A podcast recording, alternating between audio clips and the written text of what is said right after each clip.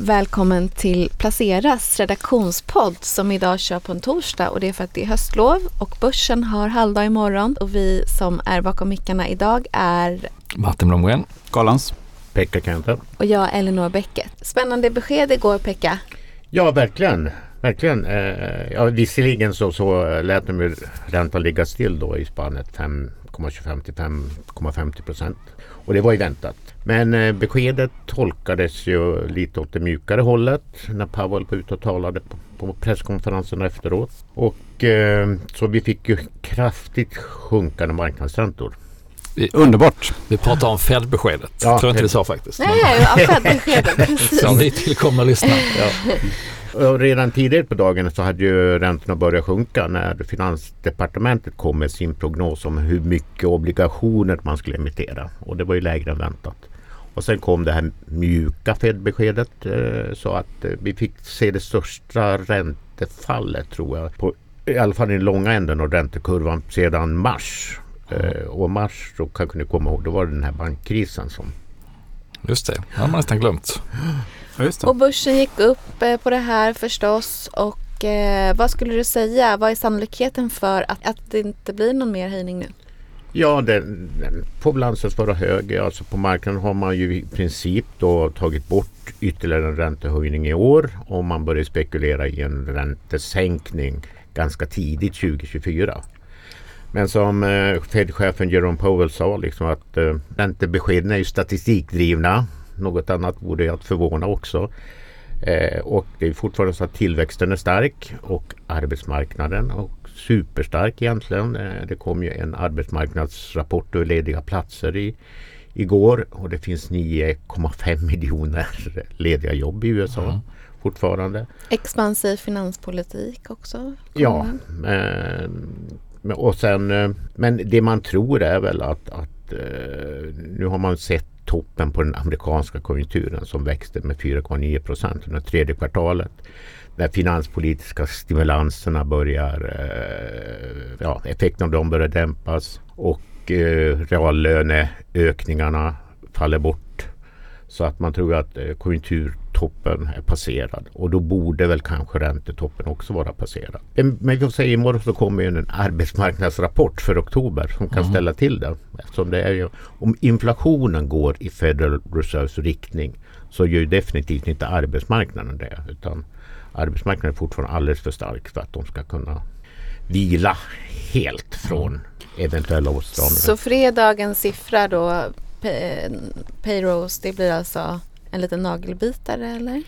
Ja, det tycker jag. Eh, jag tror vi, visserligen inte att eh, man kommer att tolka om budskapet i sin helhet. Men däremot så kommer man kanske inte att tolka det så positivt som man gjorde, har gjort hittills. Utan det kommer att öka spänningarna återigen. Men det är ganska lustigt så här för att eh, alltså börsen brukar, brukar ju vända i oktober-november. Och nu har vi sett en eh, ganska kraftig börs, positiv börsreaktion här.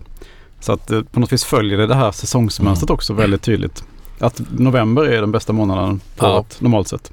November bästa och vinterhalvåret bästa. Så att, ja, det är en del av de här klyschorna stämmer ju faktiskt. Där med Sell in May, go away och sen tillbaka på hösten så ska man vara inne i Ja, aktier på vintern. Tom, tomterallyt har redan börjat kanske. Ja, och nästa eh, räntebesked från Federal, Federal, Federal Reserve. Federal Reserve kommer 13 december. Och inför det så kommer man ju få eh, två arbetsmarknadsrapporter och två inflationssiffror. Och eh, spänningen fortsätter för idag kommer det fler besked, eller hur Pekka?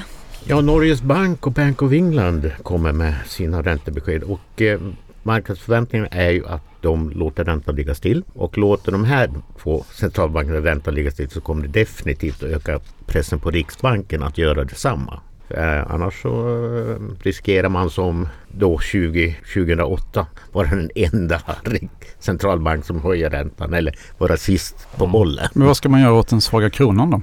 Ja, det vet jag inte, men jag tror inte att eh, alltså, jag tror inte att eventuella räntehöjningar gör så mycket. Nej. Utan det är om den globala riskaptiten eh, återvänder, om eh, till exempel Federal Reserve eller ECB börjar sänka räntan, då tror jag att ja, då kan det vara dags för en kronrevansch. Men det kan vara Sista räntehöjningarna då, inte bara för Fed utan för hela gänget här om det vill sig väl för oss som har lån.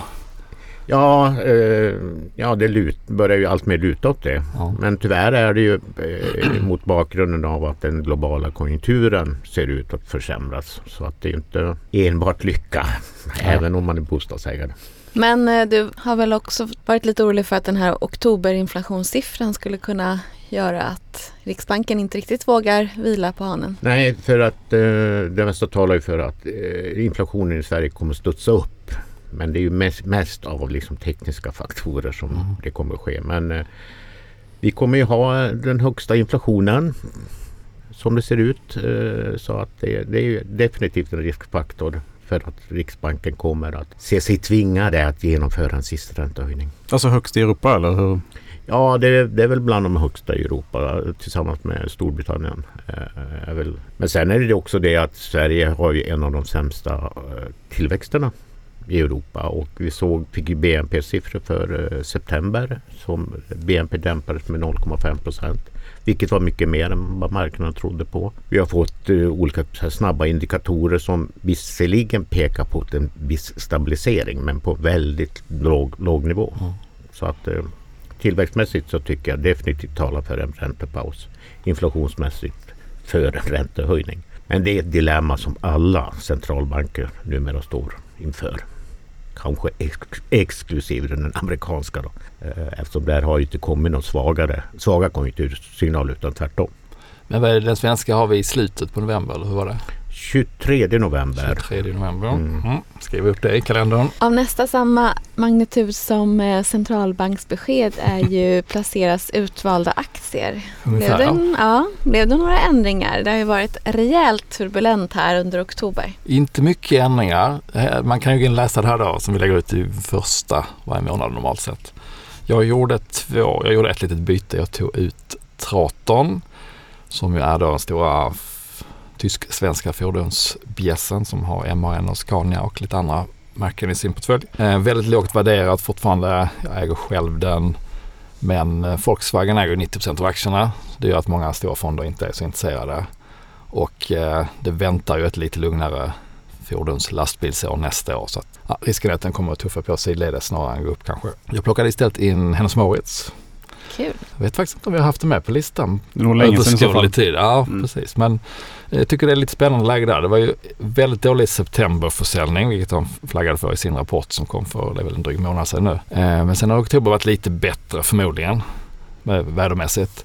Eh, de har ett marginalmål på 10% som aktiemarknaden inte riktigt vågar tro på för nästa år. Eh, men en hel del faktorer som talar för att de ska åtminstone röra sig i den riktningen. Så att hyggliga odds tycker jag för att de kan överraska positivt i flera rapporter, vilket de har gjort ett par gånger nu. Eh, och då skulle den kunna återhämta lite av det den har tappat. Så att den fick ta plats istället. Du bytte godis mot cash. Ja, Cloetta tog jag ut. Det har inte gjort någon glad. Tyvärr. Jag tror i och för sig långsiktigt att och om det skulle komma liksom någon ytterligare smällar så kan nog Cloetta fortsätta hålla emot. Men sockerpriset och kakaopriset talar emot. Mm. Så att eh, den fick ryka. Eh, tog in Loomis, kontanthanteraren. Eh, dålig rapport eh, men eh, en del eh, vad ska jag säga, tillfälliga faktorer som tryck ner marginalen om jag har förstått rätt.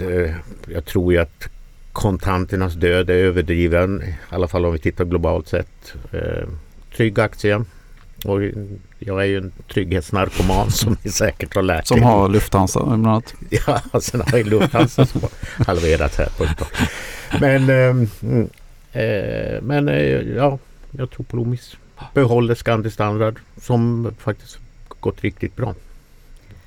Och Daniel som inte är med oss idag, han är inte just här i studion men han, han är i huset. Han tog ut eh, han var nederländska Alberts. Det var väl de förändringarna vi gjorde.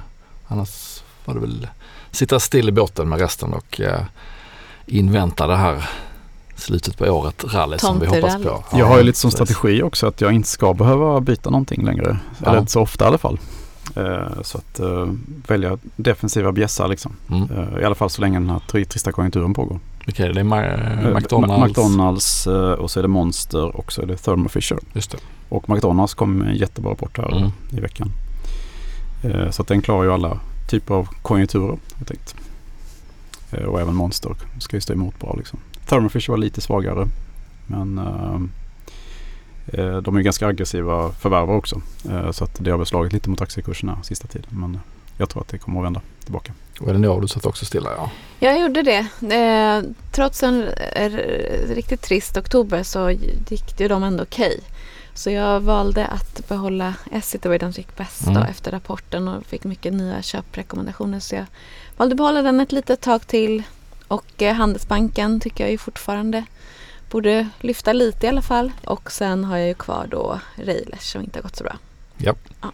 Så ja, Och jag, Jag, satt kvar ja. på Fagerhult och Securitas som inte rörde men insiders, vad har de gjort på sistone? Ja, det är lite intressant. Förra podden pratade vi om att nu börjar rapportperioden för de stora bolagen ta slut. Nu är det dags för insiders att köpa om de verkligen tror på sina bolag. Och det är precis vad som har hänt i veckan i ganska många. Försökte titta på de bolagen som gick, kom med rapporter där aktien gick dåligt eller bolag som har gått dåligt tidigare år. Och eh, påfallande många som vd och ordförande som har varit inne och köpt i sina bolag. Så att till exempel Afree, Teknikkonsulten, har både vd Jonas Gustafsson och Tom Eriksson som ordförande. Och Blomgren också har köpt där Och förra veckan. Blomgren köpte där ja, för uh, Är han en ökade. insider? Precis, nej ingen insider. nej, jag köpte lite för tidigt innan rapporten som var dålig då. De här Ja. köpte ju efter, det var ju smartare kanske. Ja. Eh, Electrolux, avgående ordföranden Staffan Boman köpte och även lite andra folk i koncernledningen. Eh, Truecall och Sint var ju de två, två av de aktierna som gick riktigt, riktigt dåligt på rapporterna. Ner runt 30 procent i båda fallen. Eh, där har i Truecaller då har både de, de här båda grundarna då som är ordförande och vd nu eh, köpt för nästan 4 miljoner var. Och i Sint var det vdn som köpte eh, för en rejäl post och han köpte i våras också. Eh, vilka kan man mer nämna? Kinnevik köpte Harald Mix för 19 miljoner. Smulor för honom kanske, men ändå ett betydande belopp. Eh, och Dometic köpte vdn Juan Vargas. Han är ju storägare sedan tidigare, en av dem brukar dyka upp högt i pilotskole. Högst upp i pilotskolan nästan. Ja, Mm. precis. Han har för 50 miljoner nästan. Men han köpte, köpte lite mer. Så det är väl de som stack ut. Eh, Note stack ut på andra hållet då genom att eh, dels gå upp på sin rapport, kontraktstillverkaren och dels att vdn sålde lite grann efter rapporten. Ja, vad ska den man har säga gått ganska här? dåligt på senare tid? Ja, den har gått Förutom lite. Ja. dessförinnan. Men eh, alltså det är klart att det är en positiv signal när de som är inne i bolaget köper men man ska väl inte dra för stora växlar. Nästan alla av de här jag nämnde nu har ju ägt aktier sedan tidigare och aktierna har gått dåligt. Så det är bättre att de köper än säljer Mm. men, men det är ju inte den utslutande faktorn som man ska ha som ett eh, motiv för att köpa själv. Men det säger ändå någonting om att de tror att värderingen är för låg eller att de tror på det långsiktigt i alla fall. Och du nämner pilotskolan rön avlägsen parallell till flygplan och vårt studiebesök som ja, vi, vi var gjorde i idag. Nyköping i- alldeles nyss eh, och träffade vd Henrik Höjer på CTC. Eh, CTT CTT, precis. Det som, var jag eh, som pajade där för dig. som tillverkar luftfuktningsanläggningar till flygplan och avfuktningsanläggningar också. Eh, som ju är verkligen kommit igång igen då efter pandemin här. De fick ett rejält avbrott då eh, när produktionen låg helt stilla hos Airbus och Boeing. Men eh, nu ser det väldigt bra ut igen och eh, det stora problemet är ju egentligen att eh, både Airbus och Boeing har problem att få upp sin produktion igen till de nivåerna som motsvarar efterfrågan. Då. Flygbolagen de skriker efter sina flygplan. Yes, det är till och med så att de får ta in, liksom, ta in gamla plan igen och eh, renovera upp dem då som A380 till exempel med Lufthansa. Som eh, egentligen skulle ha ställt av hela sin flotta av dem. Men eh, de är tillbaka nu i drift igen. Och de har ju i princip eh, monop- alltså de är de enda som gör de här eh, luftfuktarna som ska vara uppe i planen. Ja, det jag tyckte var intressant också var att det är ju Munters som gör själva tekniken då. Eh, så att, eh, men de har liksom fått eh, Ja, de får lova att sälja det till någon annan så att säga. Ja. Till någon annan, eh, bara till flyg gäller det. Så att, eh, det är lite, lite grann som en nisch inom Munters på det Mm. sättet. Kan man säga. Men väldigt intressant att se produktionen och eh, anläggningen. Fick ni klämma på någon produkt? Ja, det fick vi göra. Eh, Kanske inte just klämma. Vi fick titta. vi, fick, vi fick talla lite på dem. Säga. lite för ja. Ja, det fick vi göra. Det var väldigt roligt. Ja. Mm. Det är det bästa med fabriksbesök. Ja, Mm. det är det verkligen. Ja, det var en Ja. trevlig genomgång av Ja. Ja, och så att de ni- är väl lite i stadiet att rampa upp produktionen då kan man säga. De hade ju 80 anställda drygt nu och de hade väl varit 130 som mest tror jag.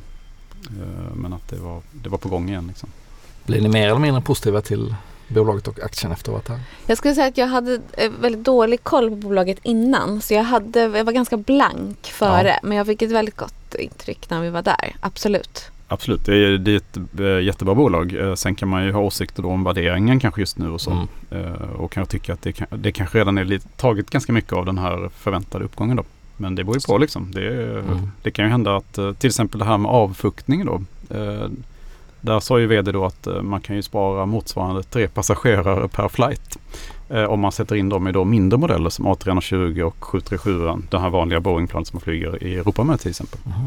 Eh, Och om man då kan bevisa det att det verkligen är den här motsvarande 200 kilo ungefär. 200-300 kilo. För kondensen blir så tung. Exakt.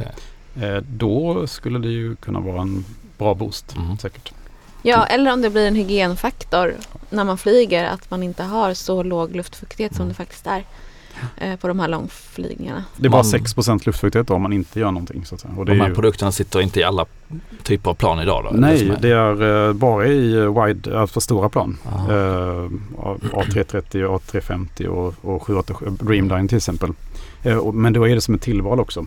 Så det är Eh, flygbolaggen som väljer om det ska vara eller inte. Ja, Och precis. det, det tyckte jag var en av de grejerna som var intressant. Det var att vissa flygbolag valde det bara för passagerarna Mm. och vissa bara för de, för de som Ja. jobbar. Men och det du är inne på där att det är flygbolagen som väljer. Det är ju väl också lite fara med den här typen av bolag att man har väldigt få kunder, få stora starka kunder. Så att om någonting går snett så kan, så kan man ju tappa mycket omsättning på kort tid. Ja och sen drabbas de ju också i till exempel pandemier och sånt här. Och till exempel eh, 11 september eh, 2001 till exempel. Mm. Alltså sådana såna stora händelser då. De, det drabbar ju dem liksom som, i svansen då. Alltså, så att, i förlängningen så att eh, det är ju känsligt på det sättet. Ja. Mm, kan man säga. Mm. Men Mm. som sagt, kul att göra studiebesök. Nu har ju faktiskt nästan alla bolag rapporterat. I alla fall alla stora. Skulle precis flika in alla stora. Alla stora. Vi har pratat mycket om att marginalerna är bra. Kanske något sämre omsättning överlag. Inte jätteroliga börsreaktioner men det har också varit en väldigt tuff period. Det som har varit intressant och det som har varit då lite på nedsidan det har varit orderingången. Är det så? Kan vi liksom eh, konkludera Ja men det tycker så jag. Det, är? det har inte kommit det så många nya rapporter den här veckan men Skanska blir ytterligare ett exempel där orderingången var det som stack ut negativt och fick aktierna att dyka ganska mycket. Så att eh, ja, det är ju som outlooken och orderingången som är det som, som har varit tuffast att svälja för aktiemarknaden skulle jag säga. Och precis som vi pratade om tidigare, det här med lageruppbyggnaden som boostade efterfrågan under ganska många kvartal tidigare. Men där bolagen kanske inte alltid var så noga med att berätta eller specificera det. Och de kanske inte visste heller hur mycket som var lageruppbyggnad och hur mycket som var riktig efterfrågan. Nu ser man ju å andra sidan på det när många kunder drar ner på sina lager och säkerhetslager. Att efterfrågan går ner ännu mer än vad kundens kund egentligen efterfrågar då. Eh, så att det är en liten otäck fas här under förhoppningsvis ett eller två eller tre kvartal när lagernivåerna ska återställas i hela systemet. Som efterfrågan trycks ner lite extra mycket. Och innan vi är igenom det så kommer det nog den här, tror jag, att den här konjunkturoron lite grann kommer att hänga över eh, många bolag som är, ja, de, framförallt de cykliska men även, även hela börsen. Som sagt, nu är väl på en vecka så är väl börsen upp med tanke på att den går upp idag. Men innan dess så hade vi eh, ju ganska många sura rapportreaktioner till exempel. Gjorde det att ni passade på att plocka upp några i turbulensen? Inte, inte den här veckan har jag inte gjort någonting. Nej, legat stilla. Jag gjorde ett litet, uh, fyller på lite grann i uh, Idun som är, det är, det är ju en väldig chansning då. Vi får se helt enkelt. Uh, det är ju låg omsättning i den aktien också. Så att, uh, de kommer en rapport här i, lite senare i november. Men det är, de är ju konjunkturkänsliga då så att eller deras bolag Mm. är konjunkturkänsliga. Så att uh, det kommer ju säkert vara jättebra att se. Typiskt sånt bolag som har tagit väldigt mycket stryk. Ja det är, Sen det, ett- det är det ju absolut. Jag har legat lågt. Eh, Jag ska väl se om jag ska put my money where my mouth is och köpa Loomis då. Men eh, kolla om någon ska skriva om det och sådär. Va, har du jättekassa nu då? Eller vad, hur ser det ut i Ja. Pekkas jättekassa. Ja, och hur går din... Eh, du blankar väl liksom. börsen fortfarande eller? Ja det gjorde det gör jag ju. Det, Ja. Den har ju gått bra. En bär-björn-position. Yes. Ska du inte skjuta den nu innan? Innan Jo. eh, tomterallyt? Ja. Ja, eh, jag får väl se om jag tror på Kalles tomterally här. ja men den, har- det har ju redan börjat ju. Ja, När alla mjuka klappar från Fed liksom. jag ska kolla morgondagens arbetsmarknadsrapport då.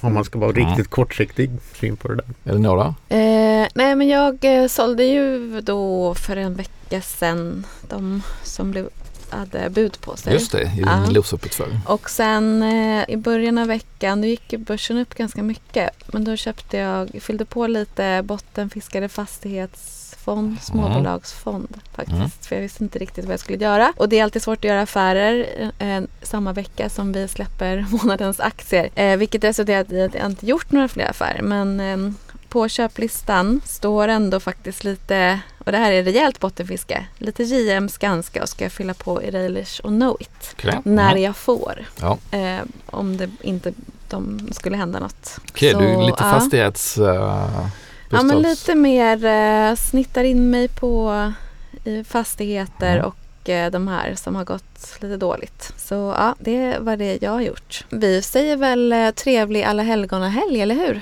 Ja, det gör vi. Absolut. Tack för att ni lyssnade. Hej då. Hej. hej. hej.